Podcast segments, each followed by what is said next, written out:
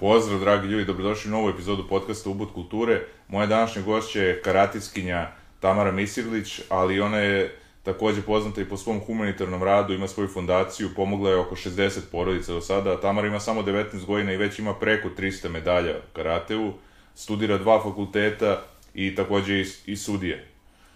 Tako da, uživajte i ko hoće me podrži može to da uradi putem Patreona i putem Paypala, linkovi su u opisu i hteo bih se zahvali Manchmellovu zato što podržava i deli iste vrednosti kao i ja.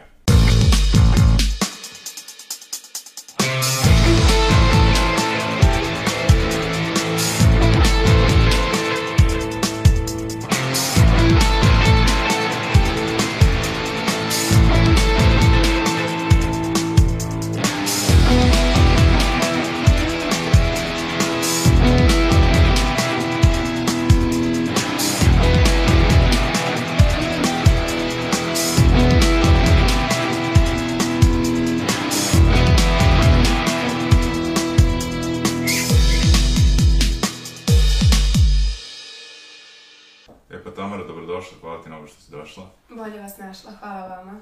Za početak bih te pitao jedno manč pitanje. E, Upoznat sam da si osvojila preko 300 medalja, znači baviš se karateom već 15 godina, ali tako? Tako je. Pa koja ti je, da kažemo, najdraža, ako ima takve? Najdraža medalja jeste sa svetskog prvenstva koje je održano 2019. godine u Karlovim Varima. Najdraža je zbog toga što sam se do 2018. godine takmičila u katama i iskreno ponosna sam što sam za svega godinu dana a, vežbanja u borbama osvojila treće mesto na tako jakom takmičenju. A ti si reprezentativka, tako? Tako je. zemlje. Sad, to je seniorska konkurencija? Seniorska. Seniorska. I ove godine su, to jest prošle godine, je prošle godine bila olimpijada, više ne mogu da pohvatam. Jeste, da. Tako je, prošle godine. Olimpijske igre u stvari, ajde. Ovaj, I bit će ukinute opet karate, tako da. Opet je ukinuto, da. Strašno. Mislim, ima mnogo glupih sportova, to je, tako da. Jer karate su ozbiljan sport, mislim, tako da. Jeste. Ali dobro. A reci mi sad nešto o tvom humanitarnom radu. Ti si pre nekoliko, to je početkom godine, ovaj, napravila fondaciju, je li tako? Jeste, zvanično sam e, osnovala fondaciju a, početkom ove godine. To sam uradila iz razloga da bih svoj rad podigla na viši nivo i ostvarila jedan od svojih najvećih ciljeva, a to je da pomažem ljudima širom Srbije. A, trenutno sam samo na jugu. A, inače, humanitarnim radom se aktivno bavim već dve godine, malo više, dve i po godine i do sada smo uspeli da pomognemo zajedno sa dobrim ljudima koji prate moj rad i koji mi daju og- ogromnu podršku. a, 60 porodica, renovirano je 12 kuća i jednu kuću smo izgradili iz temelja, a jednu smo kupili novu.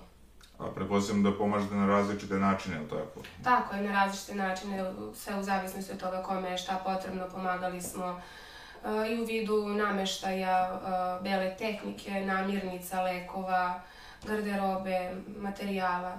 Je to u tom činskom okrugu ili i generalno u... U početku je bilo samo u Činskom okrugu, a sada smo polako tu i na celom jugu Srbije. A nadam se i verujem u to da, da ću kroz godinu dana uspeti da pomažem ljudima na celoj teritoriji Srbije. A reci mi kako uspevaš da ti studiraš dva fakulteta istovremeno i to jest različiti su potpuno ekonomski i pravni. I Tako je. Takođe si sudija i, I baviš. dva različita grada. Da. U, u Kosovskoj, na Kosovskoj E, jeste, pravni je u Kosovskoj Mitrovici, a ekonomski fakultet je u Nišu. Svaka čast. A reci mi, i pritom si sudija i baviš se ovaj, karateom. Jeste, za sudiju sam položila 2019. godine. E, to je bila moja velika želja jer je moj trener bio sudija i ja sam od uvek to gledala i kao mala i zamišljala sam sebe jednog dana u odelu i eto to se tada i ostvarilo i sada istovremeno i sudim i takmičim se. Sjajno, sjajno. A reci mi, da li ovaj, sudiš na nekim međunarodnim takmičenjima ili... E, trenutno sam regionalni sudija, znači samo u, u našoj zemlji. Čim bi najpre volao da se baviš? Najpre bih voljela da završim oba fakulteta. Uh, iskreno, moja želja je od uvek bila da budem trener karatea, da radim sa decom uh, i da i njih povedem svojim putem. Uh, reci mi što se tiče takmičenja, koje, kakve su sa- sad ambicije za sledeće takmičenja i u planovi uopšte? Uh, pa trenutno, uh, moram da, da napomenem, imali smo evropsko prvenstvo u Subotici u aprilu, 1. aprila, gde sam osvojila prvo mesto u katama. Posle tog takmičenja moje ambicije su da se okrenem više ka suđenju i ka tome da radim sa decom i da uskoro otvorim i svoj karate klub. U Vranju ili?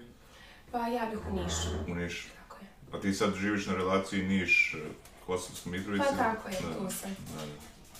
Pa, il, ka, u ovim okolnostima kako je studirati, ovaj, jel, jel ide online ili... E, pa, sada nam je nastava još uvek kombinovana. U Nišu na ekonomskom fakultetu imamo i predavanje na fakultetu i u Mitrovici takođe, ali još uvek nisu obavezna. Međutim, na pravnom fakultetu su mi oslobodili nastave, što mi je dosta olakšavajuće za sve što radim. Za sada je sve dobro i sve ide najboljim, naj, sve u najboljem redu i nadam se da će tako ostati. A reci mi, koliko je teško uopšte plasirati se, mislim, kada se igraju karate, da kažem, na olimpijskim igrama, koliko je teško plasirati se na olimpijske igre? Pa teško je, zaista teško, je teško, treba dosta truda, rada i odricanja. Mi smo svoju zlatnu medalju, tako? Jeste. Da, da. A koliko, koja zemlja prednjači po, ovaj, po broju medalja u karate? Mislim, koja je najbolja zemlja? Pa Japan je najpoznatija zemlja Postavio sam, karate, da. A još neka osim nje, da onako se ističe baš, ili? Pa, generalno, po ovim takmičenjima e, su dobri e, Bugari, Rumuni, a naravno i Srbija. Da, da. Uvek ostvarimo zapažene rezultate. Dobro, a reci mi, Da li, što se tiče takmičenja, pored olimpijskih igara, svetskog prvenstva, da li imaju neki turniri, posebno kao u tenisu, ne znam, neki master ili nešto da se igra, da, da je značajno za karate? Pa nama su uglavnom ta, da kažem, međunarodna takmičenja, gde organizuju se u Srbiji, ali učestvuju i zemlje s kojima se graničimo. E, ta prvenstva Srbije je jako bitna za, za nas što smo u ovoj državi. E, svetsko prvenstvo, evropsko prvenstvo, balkansko prvenstvo i eto, te olimpijske igre. E, meni je izuzetno bilo drago kada sam saznala da je karate postao olimpijski sport, ali evo sada, posle nekog vremena su ga ponovo izbacili i iskreno verujem da, da će se ponovo vratiti jer smatram da je karate izuzetno jak sport. Jeste, da, pa ovo što smo pričali o ozbijanja, ima tu nekih, ne znam, mislim, neću da omalovažavam drugi sportove, ali stvarno ima nekih koji su, ono, ajde, mislim, nisu sigurno vredniji od karate, ajde, ba, ba, baš tako da kažem, eto, da ne bude... A reci mi što se tiče da se vratimo na humanitarni rad, e, da li tu postoji neka bojazan što se tiče fondacije da može neko da zloupotrebi nešto ili da li je tu sve dobro iskontrolisano što se tiče toga, ono, da nema nekih problema ili nešto, Da, pa ja sam na čelu fondacije, ja sam upravitelj i osnivač i od kad sam osnovala fondaciju zaista vodim računa da, da sve bude pod kontrolom uh, što se tiče i sa pravne strane i za papirologiju i nadam se da neće biti nikakvih problema. Da li, da li ovaj, video sam na tvom Instagram profilu i video sam neke ovaj priloge, uh, gde je bilo najteže? Kojoj porodici je bilo najpotrebnija pomoć, aj tako da kažem? Koji ste se susreli? Pa evo, za mene je najteža priča, ja to uvek kažem, jeste priča o a, majici i sinu koji su živeli a, u totalno porušenoj kući. A, ono se može nazvati i štalom slobodno. u selu gde, koje je imalo svega četiri stanovnika, skroz udaljeno od civilizacije na 10 km od, od prve prodavnice. ja sam te ljude mnogo dugo tražila, tražila, tražila sam ih skoro dva meseca. I kada sam ih našla, oni prizori su zaista najstrašniji. Oni su živeli uh, pod istim krovom sa kozama, spavali su na daskama, u jednoj sobi su bili oni u drugoj koze i meni se tu srce slomilo bukvalno. Ali eto, uh, hvala Bogu i hvala dobrim ljudima, uspeli smo da, da njima kupimo novi dom i sada žive pristojan život. Kako si saznala za njih? Pročitala sam u novinama, nešto kratko je bilo napisano i uh, Uh, videla sam samo tu jednu sliku. Čim sam videla tu sliku, ja sam odmah krenula da, da njih tražim, jer je zaista i preko slike on izgledalo strašno, a tek uživo kada sam videla. A da li dobijaš molbe svakodnevno i to? Da, svakodnevno, naročito sada kada se to sve podiglo na jedan viši nivo, um, mnogo ljudi uh, zove za pomoć i širom Srbije iz Vojvodine, naročito i sa Kosova gde, gde ima dosta našeg napaćenog naroda. I meni je iskreno žao što trenutno nema mogućnosti da svim tim ljudima pomognem, ali evo ja idem ka tome i, i verujem da ću ubrzo moći da se oda, odazovem i, i na teritoriji cele Srbije, naročito na Kosovu. A da li se širi tim u fundaciji, da li se više ljudi pojavljaju koji žele da pomognu? Naravno, naravno. I ono, ako neko žele da pomogne, može to da uradi, možemo da stavimo dole žiro račun ili šta već kako. Možemo da stavimo društvene mreže i sajt. mreže, Na da, sajtu su konekciju, sve da. informacije. Na Instagramu je fondacija Tamara Misirlić, Facebook je Tamara Misirlić i sajt je tamaramisirlić.com. Dobro, eto, stavit ću to sve u opis, tako da će ljudima biti lakše da... A reci mi, e, koji je dalje nivo te pomoći, da kažemo, znači, verovatno je cilj da se, ono, pridruži još neki ljudi, da stane možda, mislim, da, da su potrebne neke kompanije, neko da pomogne tu, da ima neku... Svakako, evo, e, ja sam primetila i moram da kažem da e, uglavnom ljudi koji, koji pomažu to su pojedinci. Da je jako slab odziv od strane tih kompanija i svih tih imućnih ljudi koji Da. imaju e, mnogo više nego svi mi. E, Ali eto, za sada funkcionišemo onako kako treba i sa tim pojedincima velikog srca. Da, da, da. Pa slažem se, pa ja gledam i ovako generalno treba da se unapredi ta pomoć, pa što se tiče politike, mislim, ono, ovaj, da ne, da ne plaćaju ljudi SMS porukama, nego da se osmisli bolji način. Mislim, ne mislim na tvoju fondaciju, nego generalno, ovaj, tako da eto, ono, ali dobro, tvoja priča je stvarno specifična, redko ko sa 19 godina, a pritom ti si sportiskinja, tako da imaš, da kažemo, i renome već, tako da, znači preko 300 medalja. Kad si osvojila prvu medalju? Prvu medalju sam osvojila sa četiri godina.